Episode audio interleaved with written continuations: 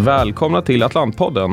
Eh, det här blir nog det sista avsnittet för i år eh, och det har varit ett väldigt spännande och händelserikt år. Eh, dels hur man ser hur, hur både aktiemarknaden och räntemarknaden rört sig.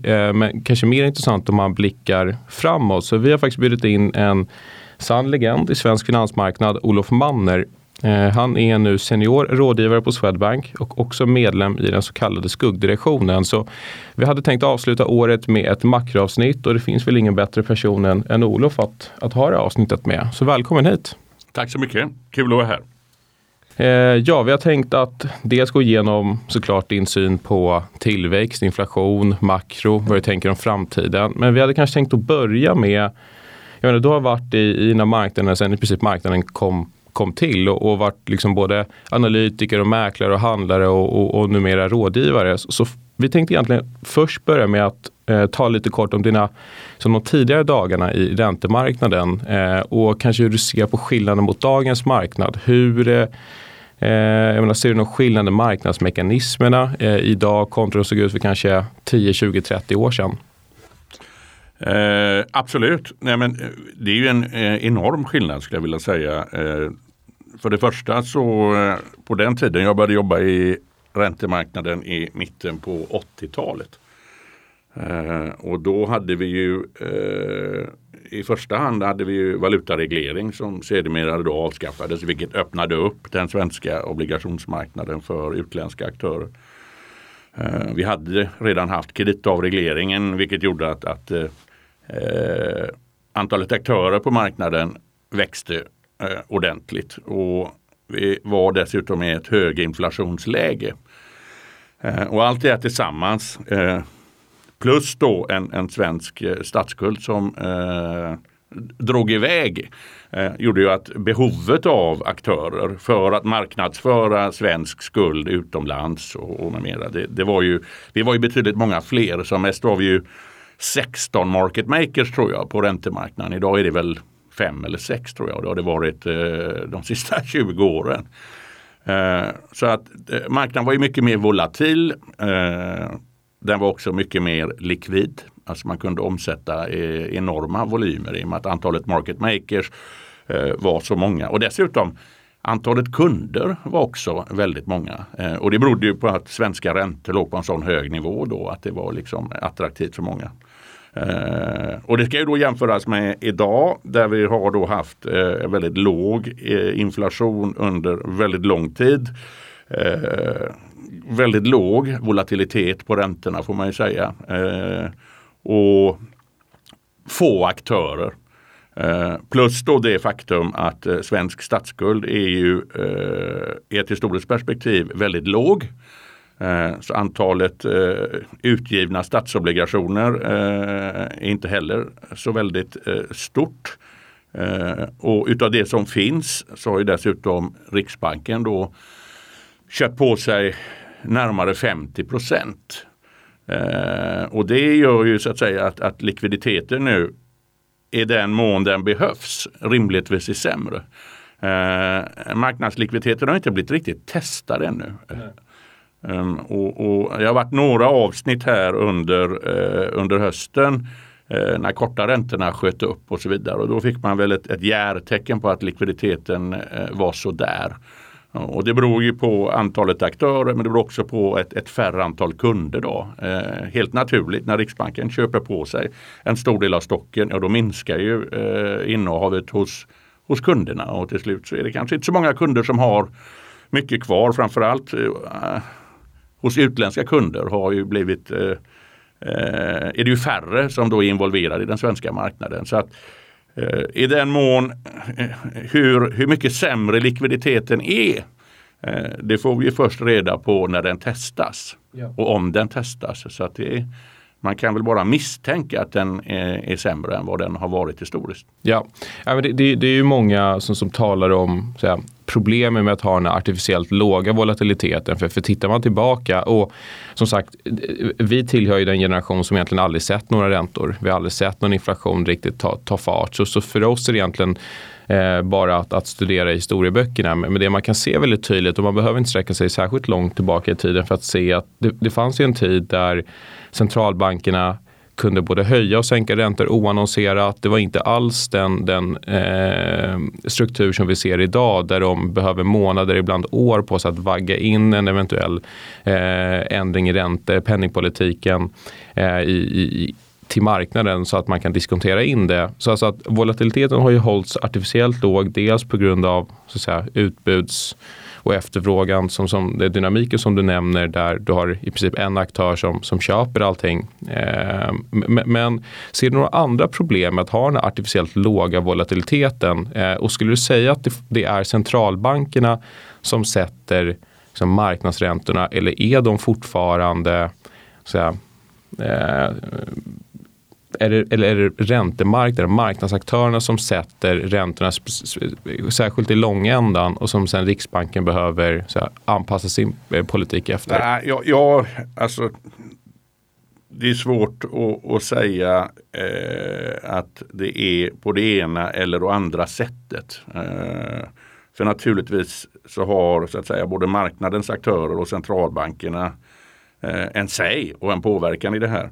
Men, men det är väl helt klart så att, att eh, eh, om man tittar på händelserna i marknaden, till exempel när, när Riksgäldskontoret skar ner eh, på emissionerna. Då gick långa räntor ner ytterligare fem punkter och för att de ska röra sig fem punkter i normala fall då krävs det ganska stora nyheter. Ja. Så att marknaden är mycket mer känslig idag för eh, nyheter vad det gäller eh, utbud av obligationer. Eh, mer eller mindre skulle jag vilja säga. Och, på lång sikt eh, så, så har vi ju eh, naturligtvis eh, hela eh, området med centralbankernas köp av statspapper där man nu då går in i en fas där man i första hand ska minska nettoköpen.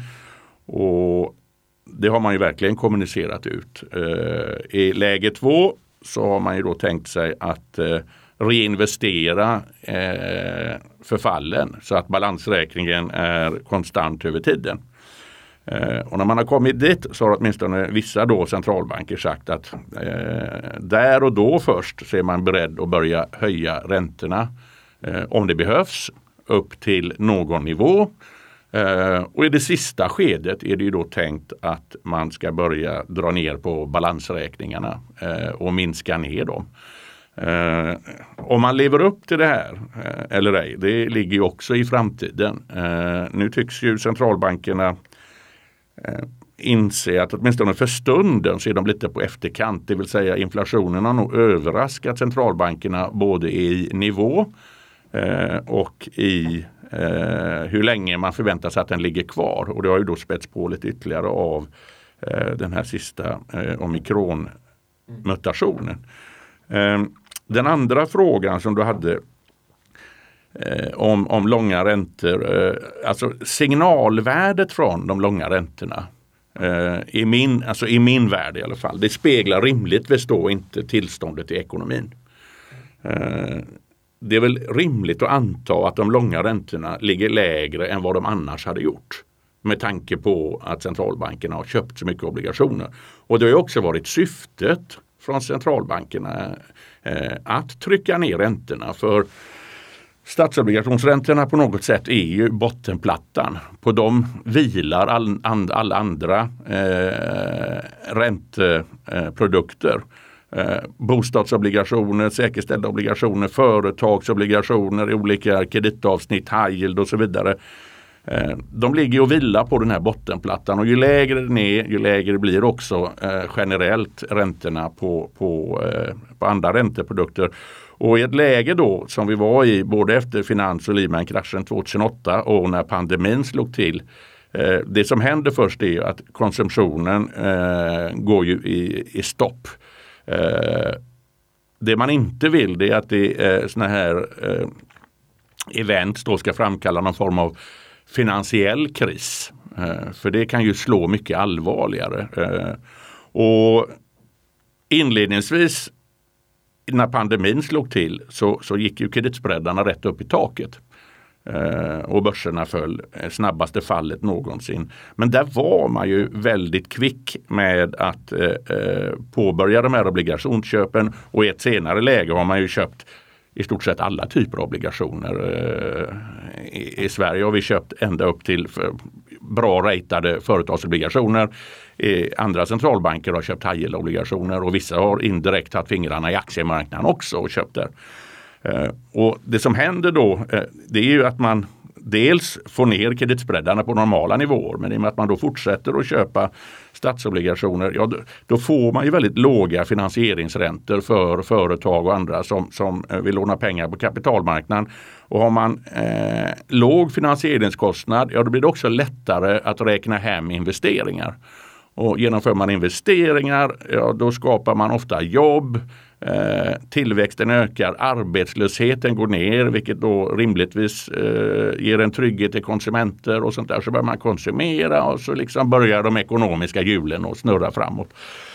Så att man har ju varit eh, lyckosam i det avsnittet i, i den första delen av eh, de här stimulanserna, det måste jag säga. Nu, nu återstår ju den kanske besvärligare delen då och det är ju ta sig ur det här hörnet där man har målat in sig lite från centralbankernas sida. Eh, är det överhuvudtaget möjligt? Och det får man ju hoppas att, att dra ner balansräkningarna. Hur lång tid ska det ta? Eh, vad ska man börja med? Och samtidigt som en effekt av de här ultralåga räntorna som eh, har varit noll eller under en period till och med negativa så är det inte så märkvärdigt eller konstigt då att även skuldsättningen har ökat i de olika dimensionerna. I Sverige är det hushålls, hushållens skulder som är, är eh, väldigt stora. Eh, någon annanstans kan det vara statsskulden som är väldigt hög. Och i andra avsnitt kan det vara företagsskuldsättningen då. Eh, där är ju fastighetssektorn i Kina ett sådant exempel. Eh, där är skuldsättningen väldigt hög. Så att Ju högre skuldsättningen är, ju ondare gör ju varje förändring i räntan. Eh, och kan då framkalla eh, ja, eh, oroligheter på de finansiella marknaderna eller på konsumtionen om det är hushållen då som, som eh, drabbas av högre räntor. Så att, eh, det, är inte, det är inte lätt eh, just nu i ett läge där centralbankerna då ser att tillväxten Eh, redan så att säga innan omikronvarianten började dämpas beroende på flaskhalsar, logistikproblem och annat så kommer omikronet eh, på toppen eh, och det kanske vi pratar mer om senare. Men, men allt annat lika så kommer det kanske fördröja de här flaskhalsarna, kan få effekter på konsumtion och annat. Men samtidigt då som en effekt utav eh, återöppnandet av ekonomin och de här flaskhalsarna och energipriser och en geopolitik med, med, eh, som är lite svajig och väderfenomen så har vi så att säga inflationen som då ligger väldigt högt. Ja. Och ska man trampa då på gasen eller bromsen från centralbankernas sida Ja, det tror jag de ligger och funderar på rätt mycket just men, nu. Men handlar det om gasen eller bromsen? Är det inte gasen eller lite mindre gas? Ja, utifrån utgångsläget så är ju, kan man väl säga, gaspedalen rätt nära botten. Eh, det är väl snarare att man släpper på gasen nu i första hand då när man minskar obligationsköpen. Ja. Men en räntehöjning det är ju i kombination med att man avslutar eh, obligationsköpen. Ja det är ju att börja eh, sätta foten på bromspedalen. Ja, eh, vi har ju lite studerat, vi tänker mycket kring som sannolikheten för ett felaktigt policybeslut hos, hos Riksbanken och centralbanken och, och vi kan väl se att så så oviss som, som, som, som världen är idag eh, och på de teman som du nämner, vi kommer komma tillbaka till dem, så anser vi i alla fall att, att risken för ett felaktigt policybeslut har ökat markant. Och, och en liten, så här, ett litet föravsnitt till det såg man redan i, i 2018 där där, där eh, Jay Powell var väldigt inställd på att, på att börja normalisera räntepolitiken och man höjde räntor. Och, och hösten 2018 var ju extremt turbulent. Börserna följde 20 procent eh, även in på 2019. Du hade ju eh, två, nästan två månader där inte en enda high yield-obligation emitterades. Alltså så såg man vad som hände 2019 när, när Jay Powell helt bytte eh, riktning och, och, och, istället sänkte räntan tre gånger. Eh, så, så man såg ju det att marknaden var ju extremt snabb på att reagera och på många sätt har ju liksom den penningpolitik som har förts nu efter covid och vi håller med om att det, det, var förmodligen det enda sättet att rädda ekonomin ur det svarta hålet som man var på väg in i. Men, men de har hamnat i den här situationen där räntekänsligheten eh, både på institutionell nivå men även hos hushållen är ju excep exceptionellt hög. Eh, och, och, det gör ju att eh, det är nog svårare än någonsin som vi ser att faktiskt normalisera. Alltså jag personligen är ju, tror ju inte att man kommer kunna höja räntorna. Utan jag tror att i bästa fall så kommer man förmodligen hinna trappa ner äh, köpen av, av, tillgångar. Vi tycker att, att det är rätt märkligt att man fortfarande köper bostadsobligationer. Äh, så det känns som de, den lågt hängande frukten. Men, men om man tittar lite på, du var lite inne på tillväxt. Får jag bara kommentera ja. en sak där först och det är väl att eh, jag delar ju vad du säger. och tar man ett marknadsperspektiv på det så, så är det ju, eh, kan jag säga då med min erfarenhet, det är ju annorlunda att handla obligationer i ett läge där alla är medvetna om att räntorna är på väg upp.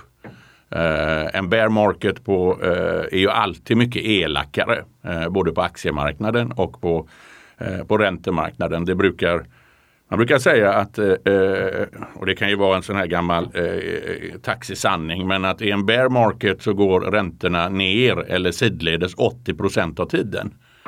Men den 20 procent som de är på väg upp, ja då går de upp är väldigt fort och väldigt elakt. Eh, det, och, och, det, och, det, stämmer ganska väl med från de perioder när räntorna var på väg upp eller rörde sig väldigt mycket upp och ner. Men det är ju väldigt få som har upplevt idag. Eh, man får ju vara i min ålder för att liksom ha den marknadserfarenheten skulle jag vilja säga. Eh, så det sitter ju ett par generationer, inte bara av bolånetagare och företagare utan även räntehandlare som eh, inte riktigt eh, eh, har handlat marknaden under de förutsättningarna. Sen vad det gäller eh, eh just inflationen och centralbanken. Alltså, alltså det är rätt komplicerat. I, I, min värld ser jag det så som att man kan ju låta inflationen ligga där den ligger. Eh, och då händer ju, liksom beroende på tillståndet på arbetsmarknaden, då händer ju en av två saker. Eh, om, om, eh, om inflationen är hög och lönerna inte kommer upp, ja då minskar köpkraften hos, hos löntagarna. Tror de då inte att de ska få högre löner, då är liksom det rimliga att man svarar med eh, Eh, ett större sparande kanske, eh, i, varje fall en mindre konsumtion och då faller ju tillväxten i så fall ner. Eh, om arbetstagarna å andra sidan tror att, beroende på läget på arbetsmarknaden, att jaha, här kan vi nog få högre löner. Och dessutom får det. Och jag menar, det vet vi ju inte ännu. Men då kan ju löneinflationen öka. Vi ser ju tecken på det här i USA. Så att hur lönenivåerna förändras och framförallt då i USA och på sina håll i Europa. Det börjar ju röra på sig även på lönesidan i Tyskland. I Sverige har vi centrala avtal som förfaller först i mars 23 men det blir väl intressant att eh, studera löneglidningen nu och fram tills dess. Lönerna och arbetsmarknaden är ju så att säga en viktig del. Eh, den andra delen det är ju eh, företagens prisplaner skulle jag vilja säga. Idag de prisökningar på både råvaror och prisökningar på transporter och alltihopa det trängs i eh, producentledet idag. Eh, och prisökningarna eh, där tror jag ligger på någonstans mellan om det är 16 eller 18 procents uppgång på ett år. Eh, men de trängs i business to business segmentet. Eh, men nu finns det allt mer som tyder på både undersökningar och man hör vad, vad, vad eh, vd och andra säger att nu är vi tvungna att ta ut de här, en del av de här prishöjningarna mot konsument. Eh, det har skett lite grann eh, men det mesta ligger nog framför oss. Och det innebär ju att den inflationen som vi ändå vet kommer att falla ner om ett års tid. Och det är, man ska ju hela tiden, man ska, måste ju komma ihåg att för att en inflation ska ligga kvar på en hög nivå då måste den hela tiden få ett tillskott av nya prishöjningar. Så energiprishöjningarna som eh, nu knuffar upp inflationen, ja det räcker ju att energipriserna ligger kvar på den nivån om ett år så faller den höjningen ur så att säga tidsserien. Så det måste tillkomma eh, eh, en hel del inflation. Eh, att energipriserna av någon anledning kommer ner eh, är kanske rimligt att tro även om nu när vi spelar in det här avsnittet har vi de högsta elpriserna eh, på om det nu är 12 eller 13 år i Sverige. De ökar idag igen. Och eh, läge, det geopolitiska läget mellan eh, Ryssland och Europa med trupper utanför Ukraina och gas som inte når fram och så vidare. Ja, det finns väl skäl att tro att kanske gasen låter dröja på sig också. Eh, och ja, Det är ett La Nina-år eh, med kallt ytvatten utanför Sydamerikas västkust. Historiskt har det lett till kallare vintrar i Europa. Så vad energipriserna är, det vet jag inte. Men det är rimligt att de kanske faller tillbaka. Men det är väl också rimligt att containrarna så småningom hittar hem där de ska vara så att de priserna går ner. Men den stora frågan är ju vilken inflation kan tillkomma nu och 68 månader framåt som vi inte känner till. För det avgör ju så att säga hur mycket inflationen faller. Och idag har vi en spotinflation som ligger på 3 i, i, eh, strax över 3% i Sverige. Eh, den ligger väl på om det är 4,8 eller 4,9 procent i, i EU. Eh, den ligger på över 6% i USA. Och det räcker då att den inte faller ner så mycket som man hade trott. Ja. För vi har ju fortfarande noll, nollräntor vad det gäller styrräntor. Ja. Och då är man ju så att säga lite på efterkant. Och naturligtvis som du själv sa, varje räntehöjning i en högt skuldsatt eh, eh, global ekonomi får ju naturligtvis större effekter eh, beroende på skuldsättningen.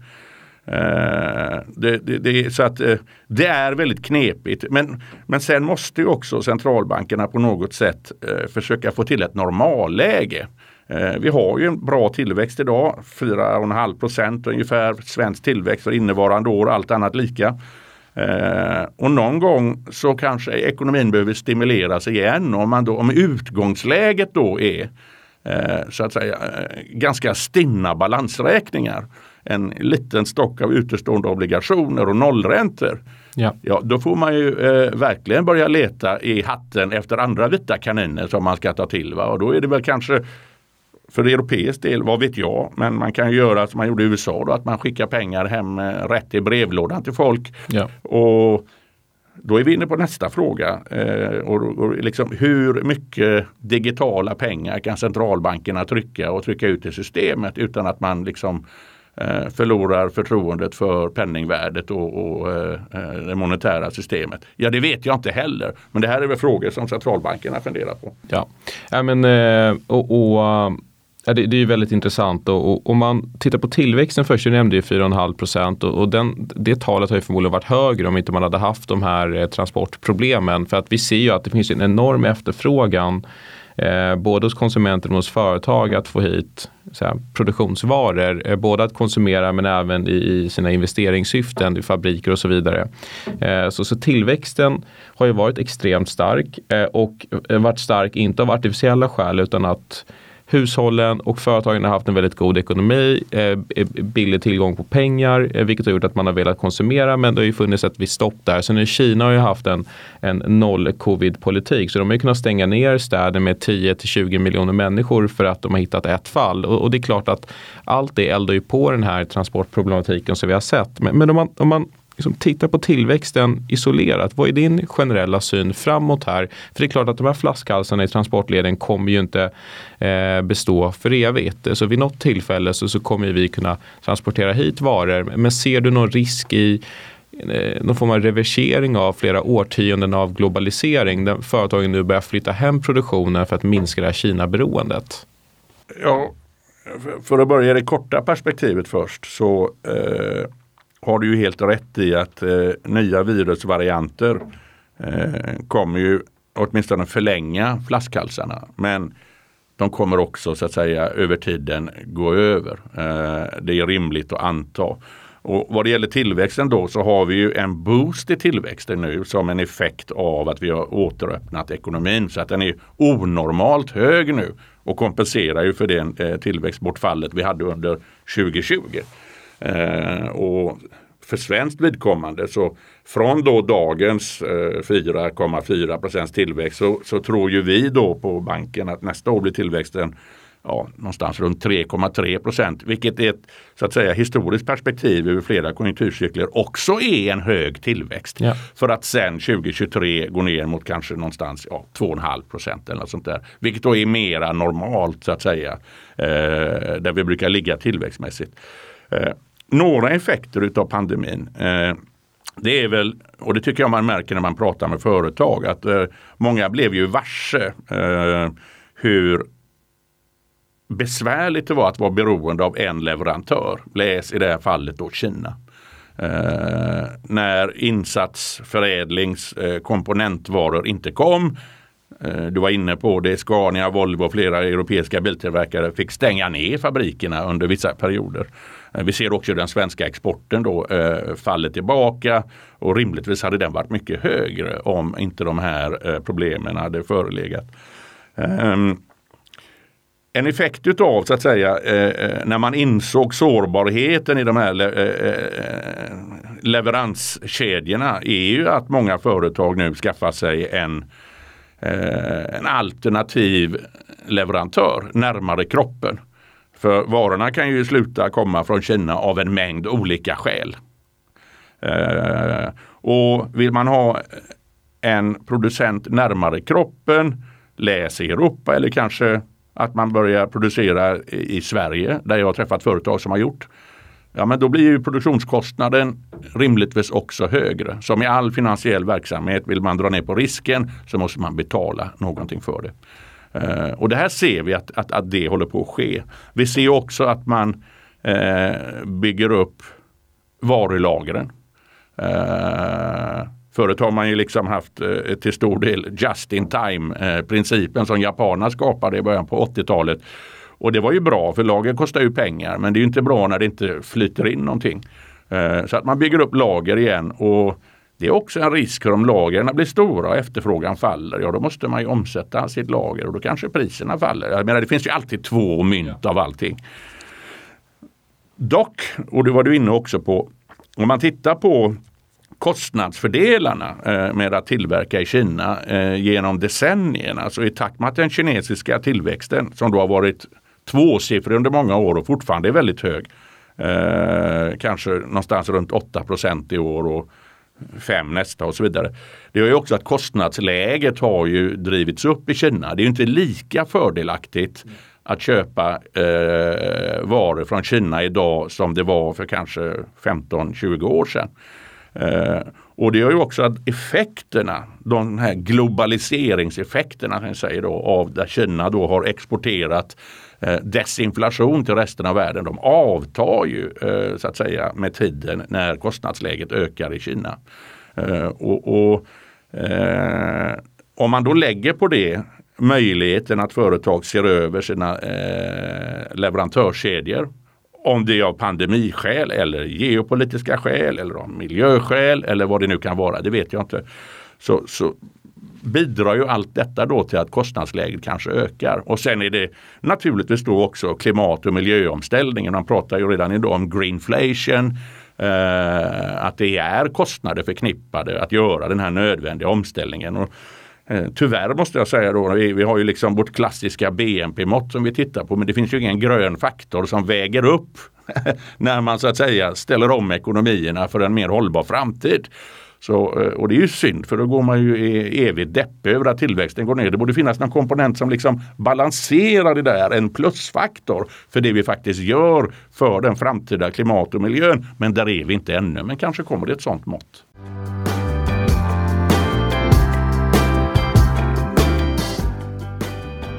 Vilka hot ser du mot, mot tillväxten om man lägger liksom ett felaktigt policybeslut från en centralbank åt sidan och tittar mot konsumenterna och företagssektorn. Eh, för att man kan väl anta att flaskhalsarna kommer att, eller problem, flaskhalsarna i, i transportkedjorna eh, kommer att avta och så vidare. Vilka hot ser du som, som kanske är störst mot tillväxttalen eh, de kommande säg två till fyra åren? Först så är det naturligtvis hur den här pandemin och hur regeringar och myndigheter svarar upp i form av restriktioner och så vidare. Det vet vi ju att det slår mot tillväxten, inte minst mot eh, tjänstesidan. Då. Eh, rese och restaurang, eh, ja, restaurangbranschen hade ju redan återhämtat sig. Rese, taxi och, och, och, flygbranschen var ju på väg upp och få liksom luft igen. Eh, och nu kommer nya restriktioner. Så att det är ju det korta perspektivet. Eh, I det långa perspektivet så, så, tror jag inte det, alltså det är svårt att bortse ifrån centralbankerna för att skuldsättningen är ett bekymmer. Eh, det är inget snack om saken. Eh, och om räntorna går upp, ja då kommer det få effekter. Å andra sidan, om tillväxten är evigt låg, ja då finns det väl, eh, det är väl rimligt att anta att inflationen allt annat lika kommer att bli lägre än vad den annars hade varit. Eh, så att det är, eh, det är väldigt svårt tycker jag just nu att dra ut tangenten två år bort. För mig så kommer det mesta avgöras de närmsta 68 månaderna. Eh, och då så att säga hur mycket inflation faller bort, vilken ny typ av inflation tillkommer och vad händer på lönesidan och så att säga hur agerar centralbankerna på detta. Man kan ju titta de sista dagarna här bara på, eh, eller sista veckan som man vill säga, i takt med att den amerikanska centralbanken blir lite mer hawkish, det vill säga eh, de signalerar att, att det kan komma tidigare höjningar och kanske fler. Ja, då har de korta räntorna gått upp. Å andra sidan har de långa räntorna gått ner så vi har fått en mycket flackare avkastningskurva. Yieldkurvan har flackat. Eh, och det är ju eh, marknadens sätt att säga okej, okay, de kommer att höja räntan men det och i sin tur kan då slå på tillväxten längre fram. Ja.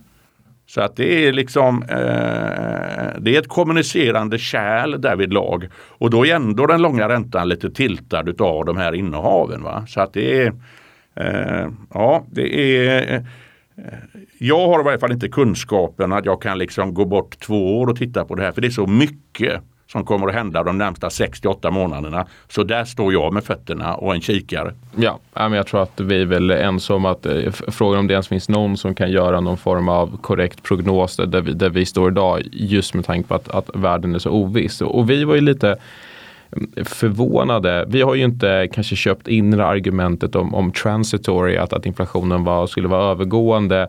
Men, men det handlar ju mer om en definition av vad övergående egentligen är. För tittar man fem år fram i tiden så finns ju fortfarande de här deflationistiska krafterna. De är fortfarande i spel och du har en, en, en åldrande befolkning och en demografisk bild som är förmodligen en större kraft än de här temporära sakerna vi ser kring leveranskedjor och så vidare. Eh, men, men vi var ju lite förvånade kanske över den plötsliga här, över hur snabbt eh, Fed och, och primärt Jay Powell var på att lämna det här eh, tema som de har varit inne på i månaden nu om att inflationen är övergående. Och sen förra veckan så eh, gick det ut en tweet om att det är nog dags att lägga det, det ordet i, i liksom, till historieböckerna. Och, och, vi var ju kanske lite förvånade över hur snabbt man tog det beslutet. För att man försvarade det beslutet även efter den här KPI-siffran som, som kom in på, på 6,2 procent. Så var man fortfarande ute och pratade om att nej, men det här är en övergående del. Så frågan är om det är ett visst liksom, politiskt tryck mot, mot, mot Fed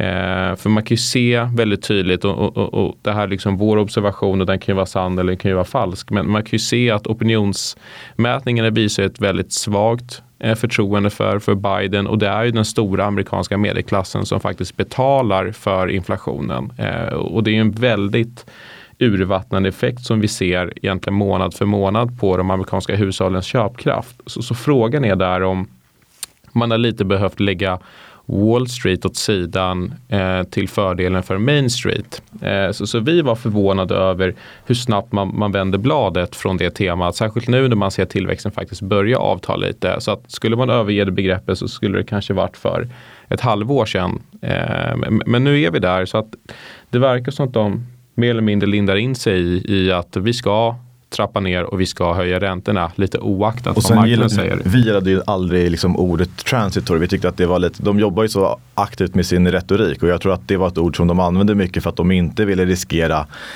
att folk på något sätt kom in och slutade konsumera här och blev rädda för den här uh, inflationen. Däremot, det som vi tycker blev fel med det ordet är att det målades upp som att ja, kaffepriset kanske, nu hittar jag på något pris, det kostar fem idag, det kommer kosta sju imorgon och sen så kommer det kosta fem igen. Det var lite grann den bilden folk fick i, i sin, liksom, som man upplevde det när de pratade. Men det som kanske, när de pratar om transitory så är det att ja, det går från fem till sju och sen nästa år går det från sju till sju och en halv. Och då säger de att nu har inflationen varit transitory. Men det är bara att inflationstakten kommer ner. Och det var väl det mm. som... Eh... Jo, och det, och det är ju liksom det är ju det centralbanken har sagt. Ja, men, men hur det än är övergående eller transitory, det är ju ett eh, ett, ett mjukt begrepp. Eh, även istiden var ju övergående på sin tid. Eh, vad jag tror, jag gissar ju bara naturligtvis, men i och med att ändå spotinflationen är så hög och den förväntas dessutom stiga. Så ju längre den ligger på de nivåerna och Riks eller centralbanken då inte säger någonting. Eh, när man har en sån arbetsmarknad som man har i USA där eh, arbetskraftsbristen inom vissa segment är väldigt hög. Antalet lediga platser är, är liksom väldigt högt. Eh, vi vet fortfarande inte hur stor del av arbetskraften som kommer tillbaka. Eh, men det är en, en mängd sådana här unknowns. Men det man kan utgå ifrån är väl att eh, ju längre tid som reallönerna är negativa i en miljö där arbetsmarknaden är ganska het, ju större är väl sannolikheten för löneökningar. Och då kan man ju få en typ av inflation som är betydligt besvärligare. Eh, som inte går tillbaka i någon större omfattning. Och då kan man ju liksom tappa eh, kontrollen. Eh, eller åtminstone det blir ännu besvärligare. Och därför tror jag att den här eh, formen av oral åtstramning som man nu liksom eh, ägnar sig åt. Man har inte gjort någonting, man bara säger. Ja. Det får nog en effekt. Det talar väl om för eh, åtminstone eh, löntagarna då att okej, okay, vi är på bollen. Eh, rimligtvis eh, så kommer vi att agera om det fortsätter, vilket då innebär att ni kanske inte behöver ha eh, negativa realräntor framöver. Och det kan ju ha någon effekt. Och jag menar, det, det, det, är också samma sak för alla sparare. Jag menar, om man är till åldern kommen och då inte vill ligga med alla sina pengar i aktiemarknaden eh, och en skvätt i kryptovalutor eller high yield-obligationer. Vad fan, du får ju ingen avkastning. Nej. Och det här tvingar ju folk in i ett större risktagande än vad man kanske annars skulle, skulle ha, ha, ha, uh, ha haft. Och det dessutom på Eh, nivåer där de flesta tillgångspriser ligger på eller väldigt nära all time high. Och det kanske inte är det kan ju vara en björntjänst man gör spararna över tiden. Vad vet jag? Ja. Ja, men det, det är ju väldigt intressant och, och, vi har ju sett lite på på liksom fenomenet inflationsförväntningar. Och det, det är ett ganska intressant fenomen för vi ser ju att när inflationsförväntningarna etsa sig fast hos, hos konsumenterna så blir det lite som ett självsvällande piano för att, för att alla förväntar sig att inflationen ska öka och då väljer man att skjuta fram konsumtionerna och, och helt plötsligt så är den bollen i, i rullning. Så det brukar nästan kunna se ut så, eller historiskt sett har vi sett perioder där den, den sanna inflationen har följt tidigare perioder och inflationsförväntningar väldigt nära just för att det är det som liksom etsar sig fast hos, hos, hos hushållen.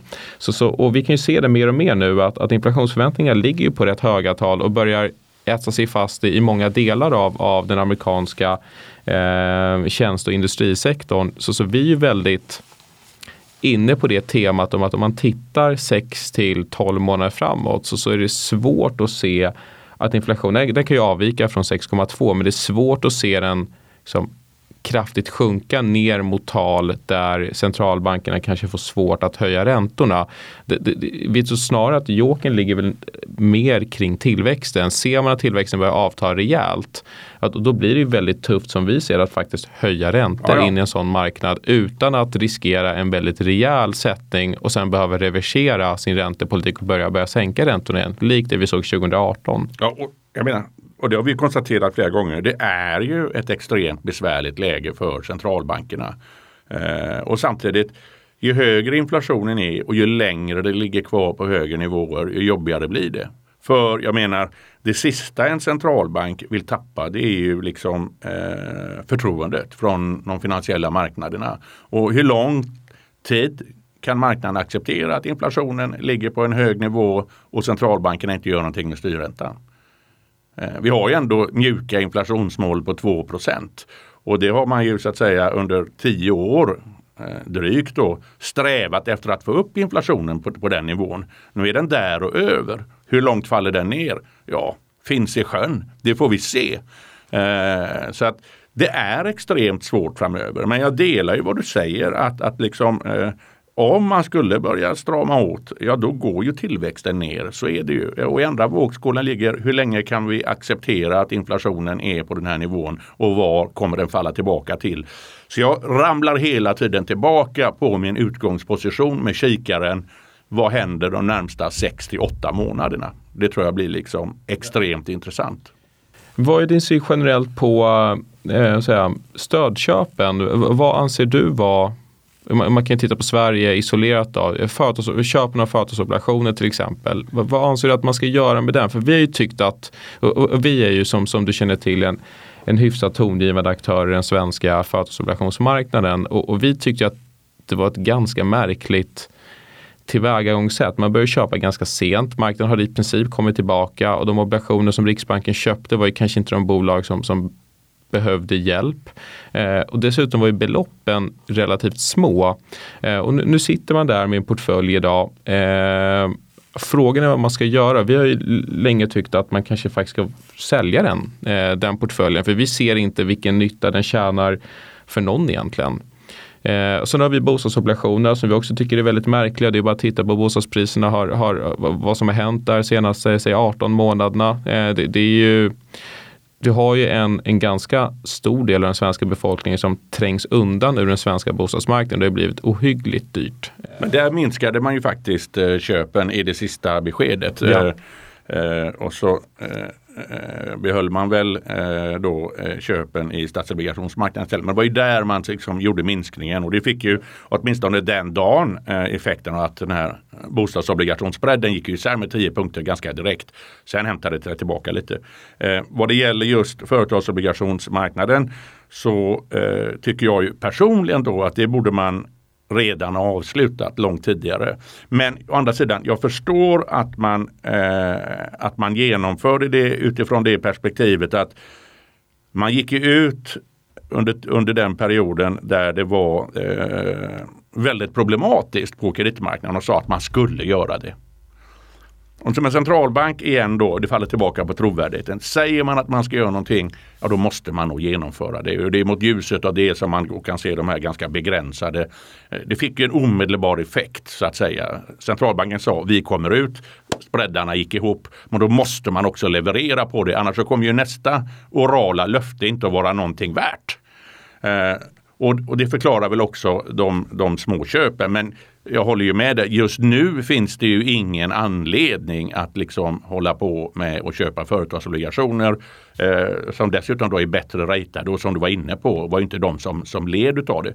Eh, det goda med det här har väl ändå varit att Riksbanken har fått eh, krigserfarenhet av den här typen av köp för att lugna marknaden. Man har en organisation och rutiner eh, som gör det möjligt att snabbt gå in och göra det om någonting skulle hända igen. Och det är väl bara bra tycker jag. Men nog sjutton är det dags att avsluta de köpen nu, det håller jag med om. Ja. Jag tycker att man blir ganska nu man kollar tillbaka, ganska imponerad av vad som gjordes av centralbankerna över hela världen under mars 2020, april där.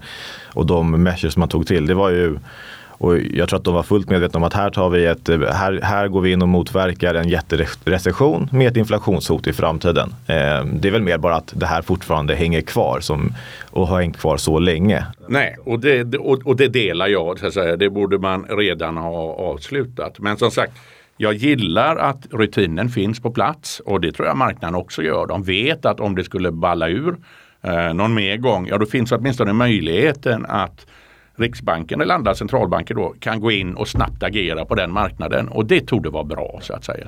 Men, men om man tar liksom den mer filosofiska sidan av det här och, och, och har, har man haft en negativ inverkan på här, kapitalism och kapitalismens förmåga att eh, skyffla kapital dit där den förtjänar att, att skyfflas. Om, om du förstår min poäng. Jo men det är klart att det finns en både filosofisk och för all del kanske även politisk aspekt på det här. För att Eh, någonting man har kunnat konstatera det är ju att förmögenhetsskillnaden har ju ökat ganska ordentligt eh, under den perioden när centralbankerna har varit aktiva. Eh, de har ju drivit upp tillgångspriserna för även om centralbanken har då köpt statsobligationer i första hand och andra typer av obligationer. De som man har köpt dem av får ju pengar på bordet och det står ju dem fritt att reinvestera de här pengarna i vilka tillgångsklasser de vill. De kan köpa fastigheter, de kan köpa aktier, eh, de kan köpa infrastruktur eller vad det är. Så att de här pengarna sipprar ju ut i alla finansiella tillgångar och det är klart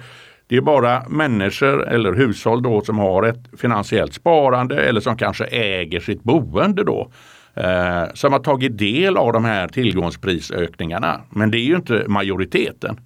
Eh, och det gör väl att det finns att säga säkerligen från ja, en mängd människor säga så, så ser man ju då att eh, eller kanske tycker att eh, myndigheter och såna organisationer skyddar de som redan hade det bra och, och, att de kommer ut så att säga sämre i vanlig ordning och så vidare. Jag vet inte vilka tankar som rör sig hos folk men att det är ett politiskt problem det kan man ju redan se för eh, eh, ja, det, det kommer ju så att säga eh, någon form av åtgärder för att så att säga eh, minska förmögenhetsklyftorna eller inkomstklyftorna eh, som man då gör i Kina idag på ett lite snabbare sätt ska till, eh, tilläggas.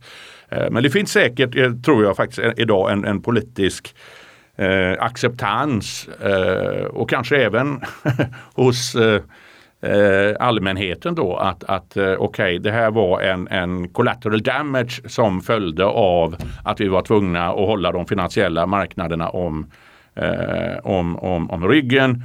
Eh, det var viktigast då. Eh, sen får man göra någonting åt så att säga eh, sne, eh, de här effekterna efteråt. Då. Det ligger också fortfarande framför oss. Men man har ju pratat om högre kapitalskatter och det har varit förmögenhetsskatter och det har varit fastighetsskatter. Och det, det är en mängd sådana här saker. som Men någonting lär väl komma. Det är jag helt övertygad om. Eh, hur ser du på värderingarna av de större tillgångsslagen om man kollar ett par år? För, för nu står vi här, du nämnde, vi, vi sitter ju på, vi, vi är ju i en marknad där i mångt och mycket så är vi antingen på eller väldigt nära all time high och även om man skulle justera för räntor så ser ju aktievärderingarna ut att ligga på väldigt höga nivåer. Eh, så där man står idag vad tycker du om värderingarna och hur skulle, jag menar, är det något tillgångslag du anser vara mer attraktivt eller kanske mindre attraktivt än, än, än de övriga? Nej, det vill jag inte eh, gå in på. Så jag, jag, alltså, jag, låt mig få säga så här. Men, mot bakgrund av de tusentals miljarder dollar, pund, yen, euro, kronor som har liksom tryckts in i de finansiella marknaderna så vore det ju sjutton om de inte låg på höga nivåer. Så att hur höga? Ja, det är klart att i ett historiskt perspektiv så är nivåerna höga. Men i ett historiskt perspektiv så har centralbankernas balansräkning aldrig varit så här svullna heller. Så det är väl rimligt att det ser ut som det gör. Uh, och, och, och liksom baksidan på det myntet är då naturligtvis okej, okay, hur ska då centralbankerna kunna debalansera balansräkningen igen? Ja, det vet inte jag. Det är ju del två av hela det här penningpolitiska experimentet där den första delen ändå måste anses ha varit lyckosam. Ja. Sen har vi inte, ingen centralbank har ju gått igenom del två. Eh, det är ju fortfarande lite en vit fläck på kartan om det går eh, och hur lång tid det tar och vad effekterna blir. Men man har ju varit övertydlig nu under väldigt lång tid för att undvika eh, misstaget från 2013 när man helt plötsligt bara hade en diskussion som kom lite från out of the blue att nu är det dags att börja dra ner de här köpen, det som kallas för taper tantrum och så vidare. Den här gången har ju masserat marknaden 8-9 månader i förväg och sagt att det kommer så småningom. Va? Ja. Eh, så vet man inte om det nu då har man ju varit både blind, döv och kanske stum, vad vet jag. Eh, och, och, det är väl den vägen man måste gå. Du började också här med det att de är övertydliga och så vidare i varje liten eh, förändring av penningpolitiken. Men det måste man nog vara när så att säga tillgångspriser ligger på toppen, styrräntorna på noll, skuldsättningen är extremt hög. Ja, det är rimligt då att även små förändringar av räntorna får, eh, eller av penningpolitiken, får mycket större effekter. Så jag, jag förstår ju att man gör så. Eh, men jag kan inte säga liksom allting är väl dyrt för sjutton. Det är svårt att hitta någonting som är billigt. Ja, absolut. Eh, tror du att folk litar för mycket på att centralbankerna har någon idé om att hålla tillgångspriserna uppe? Säg att, det, säg att arbetslösheten och så kommer ner mer. Eh, skulle de höja räntorna och strunta i om S&P faller 25 procent? Nej, det är klart de inte gör. Eh, för de vet ju vad det får för effekter. Eh, folk både känner och, och, och blir fattigare. Eh, känner sig fattigare, blir fattigare. Och det gör ju att man så att säga eh, eh, omedelbart skulle jag vilja säga så slår det ju mot eh, konsumtionen. Och i en högt skuldsatt ekonomi, ja då kan det få stora effekter inom vissa segment som är då kraftigt belånade. Och så att säga så sätter man igång en negativ finansiell spiral som man inte vill vara med om. Så att Eh, Eh, I dagsläget så tror jag inte någon centralbank eh, skulle acceptera något stort fall. Det tror jag till och med de skulle fortsätta köpa. Utan det här är ju frågan om en, en, en ganska lång process tror jag. Där man får vara eh, försiktig och gå fram långsamt. Jag har vid någon tillfälle använt mig av eh, någon liknelse som en snigel som kryper på ett rakblad ungefär i den hastigheten eh, med den faran. Eh, då, va? Eh, går det för fort så gör det ont och, och, och det gäller att hålla balansen. Eh, och, och, det tror jag är den vägen man måste gå i slutändan. Eh, och, det, och, och, det är så att säga, det är inget roligt utgångsläge heller. Va?